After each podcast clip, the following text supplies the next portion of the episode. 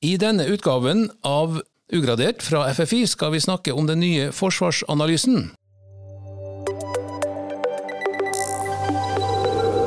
Ugradert, en podkast fra Forsvarets forskningsinstitutt. Mitt navn er Lars Årenes, og nesten 30 forskere har nå samarbeid om forsvarsanalysen, som er FFIs egen årlige analyse av Forsvaret. Med meg i studio i dag har jeg to av de sentrale medarbeiderne, som er sjefsforsker Cecilie Senstad og forskningsdirektør Espen Skjelland. Velkommen begge to. Tusen takk. Takk. Vi får begynne med det som har fått overskriften eh, i media. Vi eh, har aldri brukt den sjøl. Utfordringene står i kø for Forsvaret. Hva er det viktigste å merke seg i årets forsvarsanalyse? Jeg syns nok det viktigste er det poenget med at situasjonen i vår del av verden er farligere.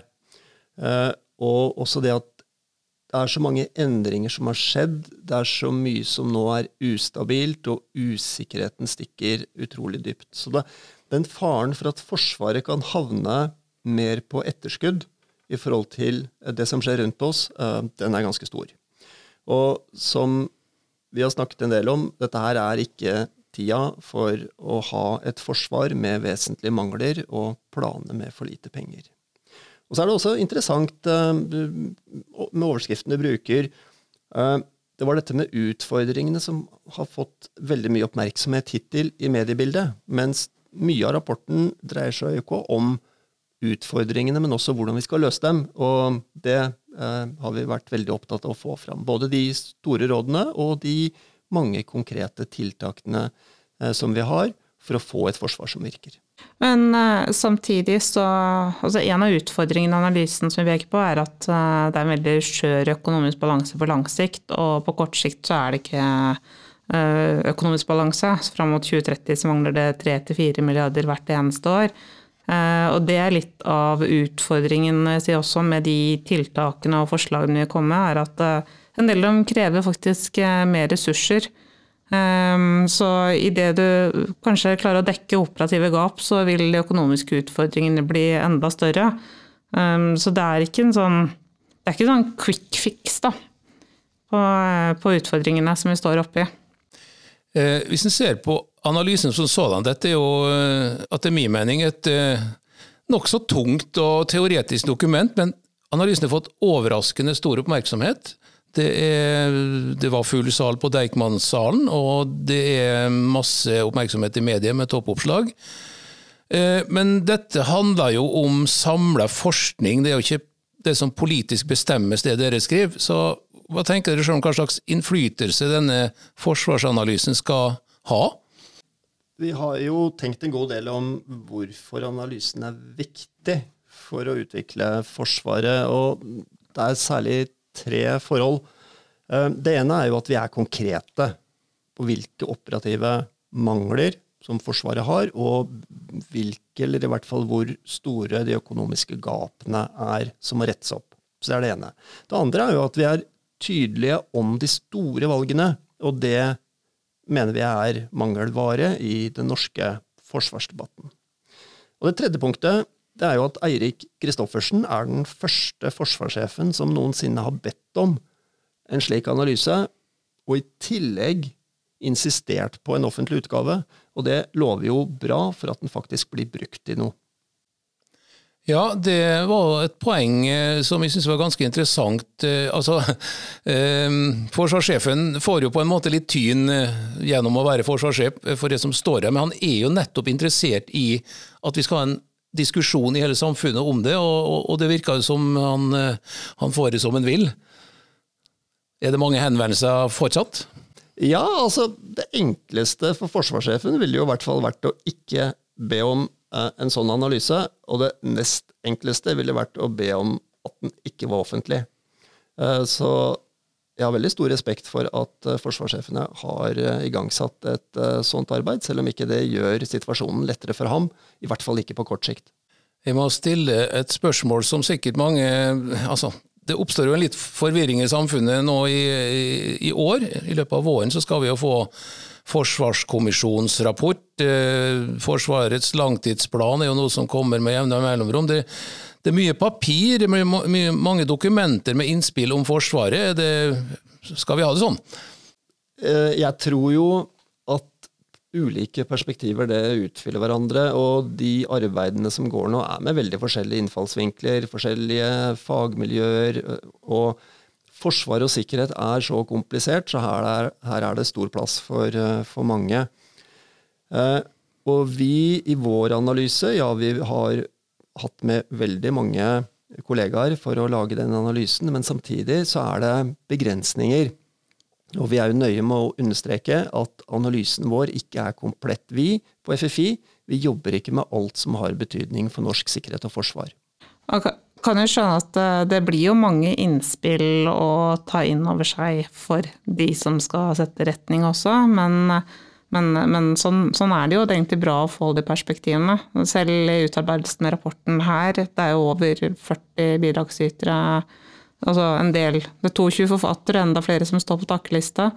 Eh, så det er mange innspill å ta hensyn til og sy sammen. Og det viktigste blir å trekke ut det som er viktigst for det de beslutningstagerne skal ha. Da. I vårt tilfelle var det å samle vår forskningsbaserte kunnskap til eh, noe som var nyttig for eh, forsvarssjefen og hans ledergruppe. Og for de andre så vil det være for hva passer politikerne, og hva er det de ønsker å styre etter. Og da, da er det bra med mange innspill, da.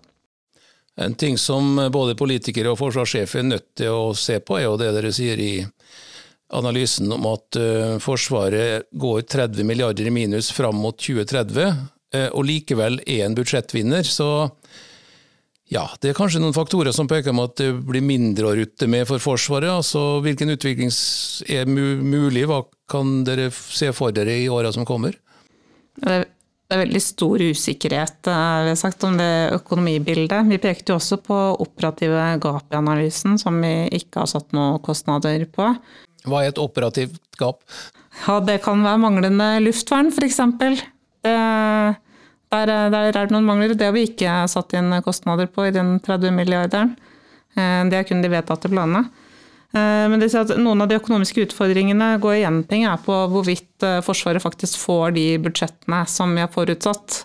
Eh, kanskje får de mer, men det er ikke gitt at de får den opptrappingen heller. Det, det kan være en del andre offentlige behov også som må dekkes.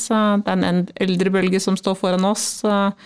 Europa står i en energikrise, og vi har behov for et grønt skifte. og og eldrebølgen er jo også kjent i Europa. Det vil si at eh, våre europeiske allierte er ikke gitt at de har penger eh, eller evne til å prioritere Forsvaret så høyt likevel.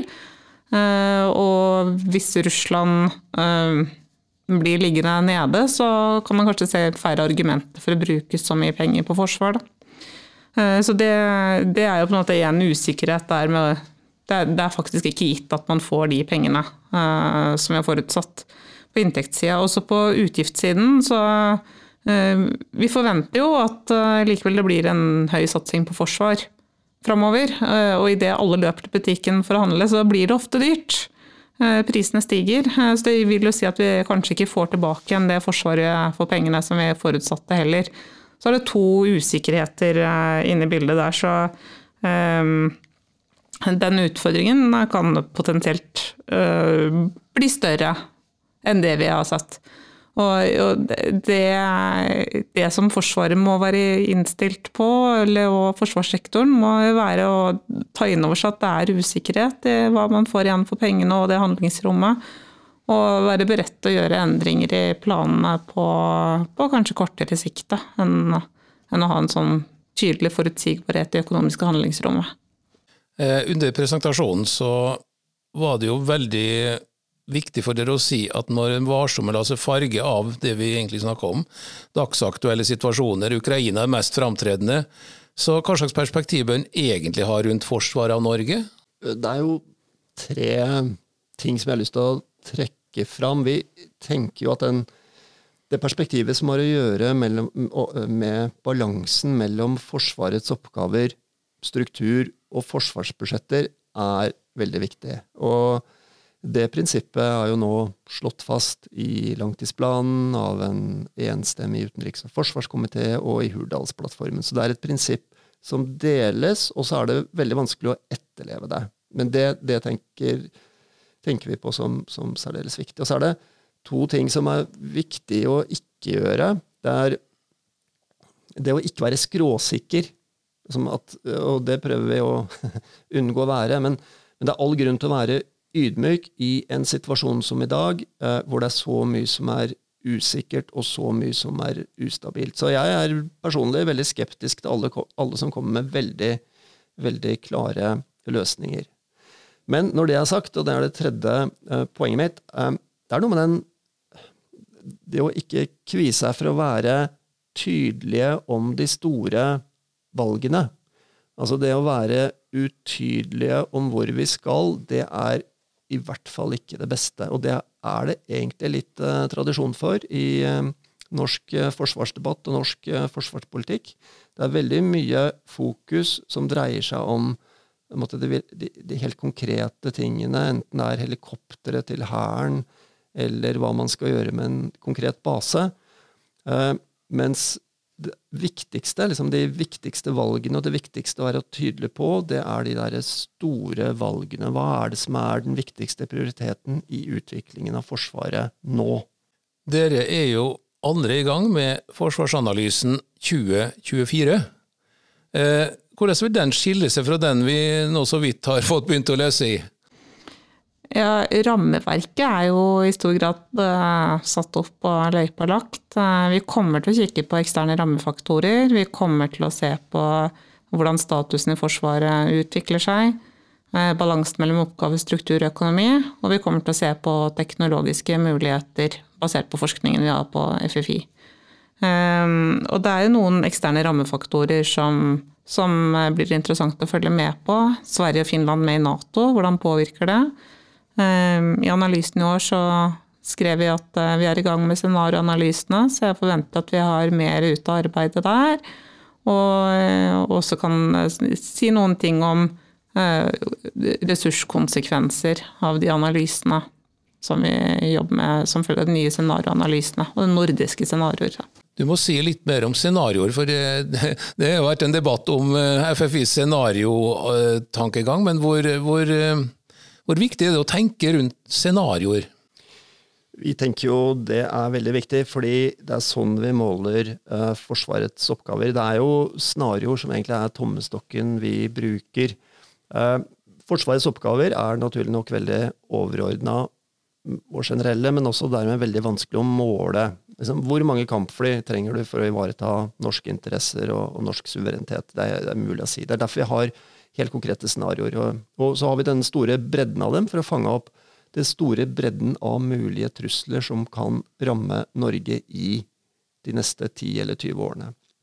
Så dette er eh, helt avgjørende i det perspektivet vi har, og den tilnærmingen vi har til, til eh, forsvarsplanleggingen. Cecilie og Espen, hva med dere personlig? Altså, hva slags forhold syns dere sjøl at det er mest spennende å studere framover? Ja, jeg, jeg, er jo økonom, så jeg har jo en liten sånn heng for økonomiske problemstillinger. Og noe av det som eh, gjensto i år, og som eh, jeg håper vi kan få jobba mer med, handler om hvordan kan Forsvaret snu seg raskere rundt når eh, de økonomiske rammebetingelsene er såpass usikre, og hvordan håndtere um, også, kjappere gjennomføringsevne og raskere snu seg rundt. Jeg syns jo det er både spennende og, og, definitivt veldig viktig å se på utviklingen av russisk militærmakt og, og russisk militær doktrine, eh, særlig i våre områder, fordi det er så veldig viktig for, for, hvordan vi bør utvikle forsvaret vårt. Så det er den ene siden. Og så syns jeg jo, du spør om, Lars, den, det, hvordan vi skal forme Forsvaret for å møte nye typer trusler, syns jeg er interessant. Og, de tingene som vi har jobbet litt med, det å se på hva kan norske myndigheter gjøre for å møte trusler mot norsk sikkerhet under terskelen for væpna konflikt. Og Et eksempel vi trakk frem i år, var cyberoperasjoner for effekt. Og Det er en veldig unorsk måte å tenke på, eh, men en tenkemåte som jeg tror vi må utvikle atskillig i åra framover. Er det lystbetont å jobbe med dette her? Det er skikkelig spennende og givende. Det, det bidrar jo til eh, et veldig viktig samfunnsoppdrag. Hvordan eh, kan forsvaret av Norge sikres og gjøres på en best mulig måte? Hvordan kan vi få mest mulig ut av ressursene vi bruker? Hvordan bør Forsvaret utvikle seg? Det er viktige samfunnsspørsmål, så det er skikkelig spennende. Jeg er helt enig med Cecilie. Dette er eh, utrolig motiverende å jobbe med, men det ligger samtidig mange tusen timer bak den rapporten som vi akkurat er ferdig med. Men vi, vi er eh, glade for å være i gang med årets rapport. Og Forsvarsanalysen 2024, den kan vi vente å få når? Om et år, dvs. Si før påsken i 2024. Da anbefaler jeg alle lyttere å gå på lenkene vi har lagt ut på ffi.no og finne hele analysen. Der er veldig mye spennende stoff. Takk til dere for en interessant samtale om forsvarsanalysen.